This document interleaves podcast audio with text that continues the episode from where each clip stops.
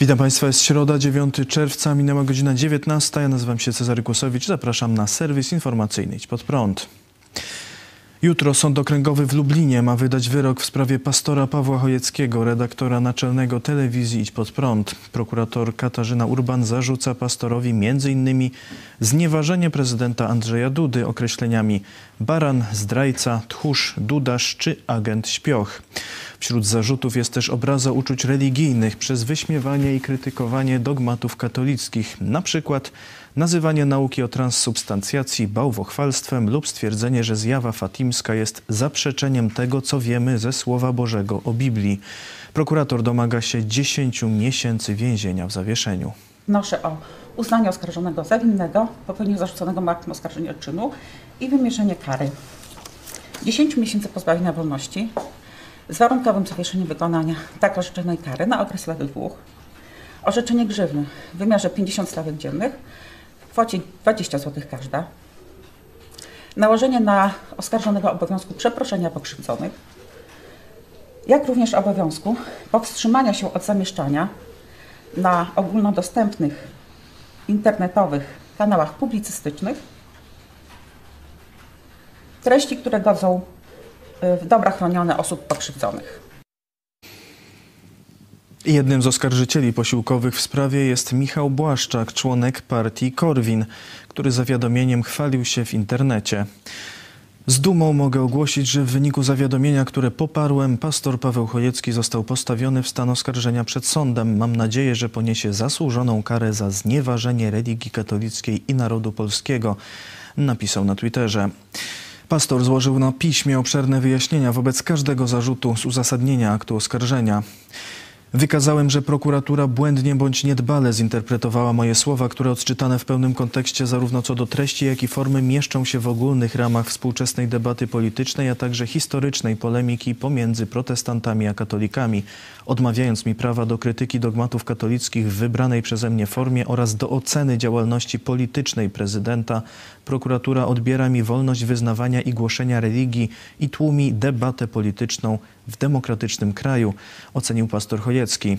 Adwokat pastora mecenas Andrzej Turczyn argumentował, że debata publiczna nie musi być przyjemna, a sąd powinien stawać w obronie wolności wypowiedzi. Prokuratura jest nadzorowana politycznie i nikt nie powinien mieć co do tego wątpliwości i ta prokuratura próbuje wpływać na kształt debaty publicznej. Jeżeli dodatkowo pani prokurator twierdzi, że debata jest, nie może być oszczercza, a pojęcie na przykład zdrajca jest pojęciem szerokim. To nie tylko zdrada stanu, to też zdrajca dotychczasowych wartości, to też nie dochował y, y, obietnic wyborczych, więc to jest pojęcie dosyć szerokie. Ja wczoraj słyszałem taki bardzo fajny program, który, którego konstatacja była taka.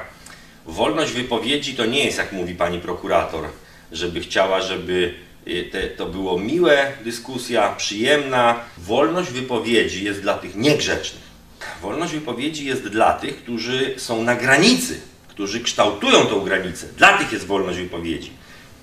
W obronie tych ludzi, moim zdaniem, powinien stawać sąd. Wielu internautów wyraziło oburzenie postępowaniem prokuratury oraz poparcie dla pastora Pawła Chojeckiego, używając w mediach społecznościowych hashtagu #SupportPastorChojecki. Wsparcie płynie także z zagranicy. Poparcie dla pastora Chojeckiego wyrazili m.in. Solomon Yu, wiceszef Republicans Overseas, organizacji grupującej członków partii republikańskiej mieszkających poza Stanami Zjednoczonymi. Amerykański pastor Bob Kraft, chiński dysydent Chen Guangcheng, założyciel portalu Hong Kong Bilingual News Chapman Chen oraz prowolnościowy ujgurski aktywista, założyciel organizacji Ujgur Aid Halmurat Hari Ujgur, a także Art Thompson z John Birch Society, największej antykomunistycznej organizacji na świecie. Eliza Michalik, dziennikarka Onetu, stwierdziła, że proces pastora Chojeckiego to papierek lakmusowy demokracji. Te kontrowersyjne wypowiedzi, dla mnie one nie są kontrowersyjne, bo dla mnie nie jest kontrowersyjna wypowiedź tylko dlatego, że zawiera jakieś mocne słowa do takich wypowiedzi jest właśnie potrzebna wolność. Jeżeli mamy mieć wolność słowa i swobodę wypowiedzi, to ludzie muszą mieć pewność, że mogą powiedzieć, co myślą, i państwo ich za to nie ukaże. Bo jeżeli wiemy, że jak powiemy coś kontrowersyjnego, na przykład, nie wiem, użyjemy słowa dupa, no to pójdziemy do więzienia, to włącza się autocenzura. Zaczynamy myśleć, co mówimy i nie mówimy rzeczy, które mogą się komuś nie spodobać. A z czasem to już tak się boimy, już tak sami nie wiemy, co można powiedzieć, że w ogóle zaczynamy milczeć. Tak się rodzą totalitaryzmy i nie przez przypadek e, każdy autorytaryzm zaczyna się od ograniczania wolności swobód obywatelskich między innymi właśnie swobody wypowiedzi, więc ja uważam, że ten przypadek pastora Chojeckiego, no, to jest przypadek, który należy śledzić, bo on jest takim papierem lakmusowym demokracji. Pastor Paweł Chojecki dziś w programie Którędy do Nieba mówił, czego spodziewa się po dniu jutrzejszym. Spodziewam się, że tak jak Jezus dzisiaj jest ze mną, tak będzie jutro, bo obiecał mnie nigdy nie opuścić. I ja jestem pewien, że zwycięstwo jest w Chrystusie, a wolności swojej nie sprzedam, nie dam się zastraszyć. Zobaczcie, tak jak Luter, bo Lutra też próbowano zastraszyć. Przecież ty obrażasz świętą wiarę katolicką, tu stos na ciebie czeka.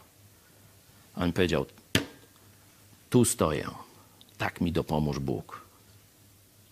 I wielu zapłaciło życiem właśnie za swoje przekonania, za prawo do krytyki bezbożnego, nierządnego kościoła rzymskokatolickiego. Jeśli trzeba będzie zapłacić w moim przypadku tę cenę, jestem gotowy. Choć rzeczywiście sprawa nie jest do śmiechu. Sprawa nie jest do śmiechu. Jutro o godzinie 13 w telewizji Pod Prąd specjalny program po ogłoszeniu wyroku. Zhakowano skrzynkę mailową szefa kancelarii premiera. Wczoraj na koncie facebookowym żony Michała Dworczyka, szefa kancelarii premiera, wstawiono oświadczenie, że skrzynka mailowa jej męża została zhakowana i wyciekły tajne dokumenty. Faktycznie w serwisie Telegram od kilku dni zamieszczane są dokumenty mające pochodzić rzekomo z poczty ministra Dworczyka. Minister Dworczyk opublikował oświadczenie, w którym stwierdził, że włamano się zarówno na konto jego żony na Facebooku, jak i na jego prywatną skrzynkę mailową. Zapewnił, że nie było w niej tajnych dokumentów. Stwierdził, że jest to element działań dezinformacyjnych w zemście za wsparcie opozycji na Białorusi. Posłowie Koalicji Obywatelskiej chcą, by sprawą włamania zajęły się sejmowe komisje do spraw służb specjalnych, cyfryzacji oraz administracji spraw wewnętrznych. Jest to sytuacja niebywała, iż w Polsce, w kraju Unii Europejskiej, praktycznie nie mamy zabezpieczenia kontrwywiadowczego. Służby leżą, państwo jest z dykty, ocenił szef Sejmowej Komisji Infrastruktury Paweł Olszewski. Sprawę skomentował widz pod prąd na żywo pastor Paweł Chojecki. Na pewno nie należy na to patrzeć, na to, na to zdarzenie tak, jak ono wygląda bo tak jak ono wygląda, no to zostało spreparowane przez jakieś służby specjalne i teraz my mamy e, szybko podjąć mm, jakąś taką myśl, no na przykład, że minister Dworczyk jest bardzo takim oddanym herosem na kierunku e, zwalczania Putina, jego wpływów na Białorusi, no i dlatego Putin przez swoich hakerów mści się na tym najbardziej czołowym, takim no, widocznym polityku Prawa i Sprawiedliwości, Sprawiedliwości. No stąd też domniemanie, że całe Prawo i Sprawiedliwość walczą dzielnie z Putinem. Trzeba y, chronić się przed przyjęciem takiego oczywistego, można powiedzieć, mm, scenariusza. Myślę, że y, szersza operacja to jest właśnie ten antyamerykański zwrot PiSu, już w sposób prawie że oczywisty, pokazany w kierunku komunistów chińskich. I teraz oni tu w rzeczywistości sprzedają, Polskę sprzedają NATO e, też pośrednio komunistom chińskim, ale dalej tu na rynku wewnętrznym będą się Czyli puszyć jako obrońcy Polski przed Rosją. Tu się tworzy legenda, że PiS broni tu dzielnie nas przed Rosją.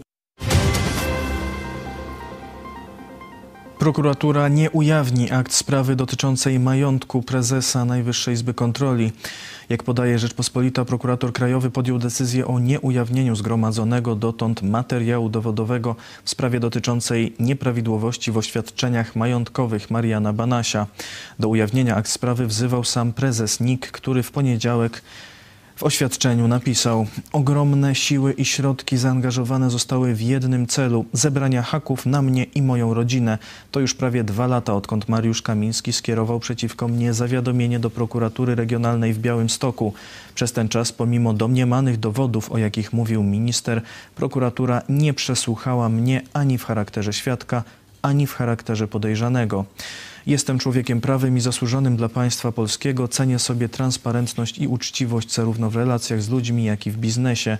Oczekuję więc upublicznienia wszystkich dowodów z akt śledztwa, do których z pewnością się odniosę i wykażę, że cała operacja służb zainicjowana przez Mariusza Kamińskiego przeciwko mojej osobie, jak i mojej rodzinie miała na celu jedynie zmuszenie mnie do rezygnacji z pełnienia funkcji prezesa NIK. Rzeczpospolita informuje, że Biuro Prasowe Prokuratury Krajowej w uzasadnieniu decyzji o niepublikowaniu akt sprawy stwierdziło, że ich do, do ich ujawnienia dojść nie może ze względu na dobro prowadzonego śledztwa. Sam Marian Banaś już w maju wskazywał, że szef MSWiA Mariusz Kamiński miał interes w tym, aby to jego człowiek był prezesem NIK. Zaś po ogłoszeniu decyzji prokuratury szef NIK na Twitterze napisał Widocznie mają na mnie mniej niż zero. 108 osób zmarło w ciągu ostatniej doby z powodu chińskiego koronawirusa, a 74 300 od początku pandemii, podało dziś Ministerstwo Zdrowia. Wczoraj potwierdzono 428 zakażeń koronawirusem. Leczenia szpitalnego wymaga obecnie 2700 zakażonych osób. Liczba respiratorów wykorzystywanych do ich leczenia spadła poniżej 400. Szczepionkę przeciw koronawirusowi otrzymało już 14 milionów 800 tysięcy osób. W pełni zaszczepionych jest 8 milionów 600 tysięcy. Premier Mateusz Morawiecki zapowiedział wczoraj, że od przyszłego tygodnia poluzowane będą obostrzenia w budynkach kościelnych.